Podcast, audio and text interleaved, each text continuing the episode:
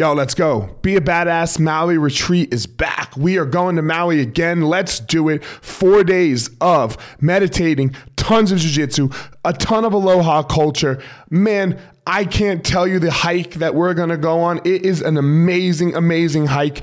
Go to my website, elliottmarshall.com. Click on Be a Badass, click on retreats, and you will see right there the Be a Badass Maui retreat.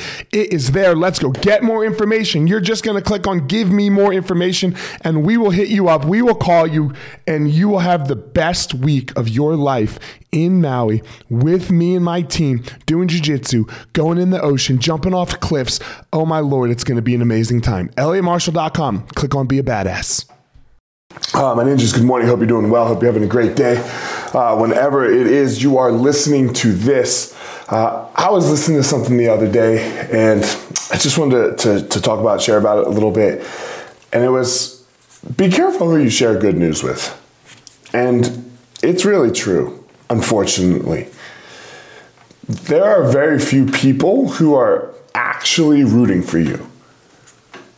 And, and what does actually rooting for you mean? It, it, it means like you could literally tell them you have $10 million and they wouldn't want anything from you. They, they wouldn't want you to treat them differently. They wouldn't want you to take them to dinner. They wouldn't expect you to pay for dinner. N- nothing.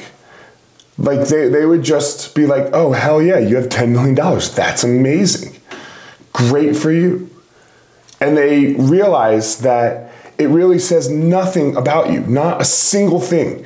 It doesn't make you a better friend, a worse friend, nothing. So just be careful who, who it is that you're telling the really great things of your life with. Because at some point, unfortunately, they might come in and, and use, use it against you.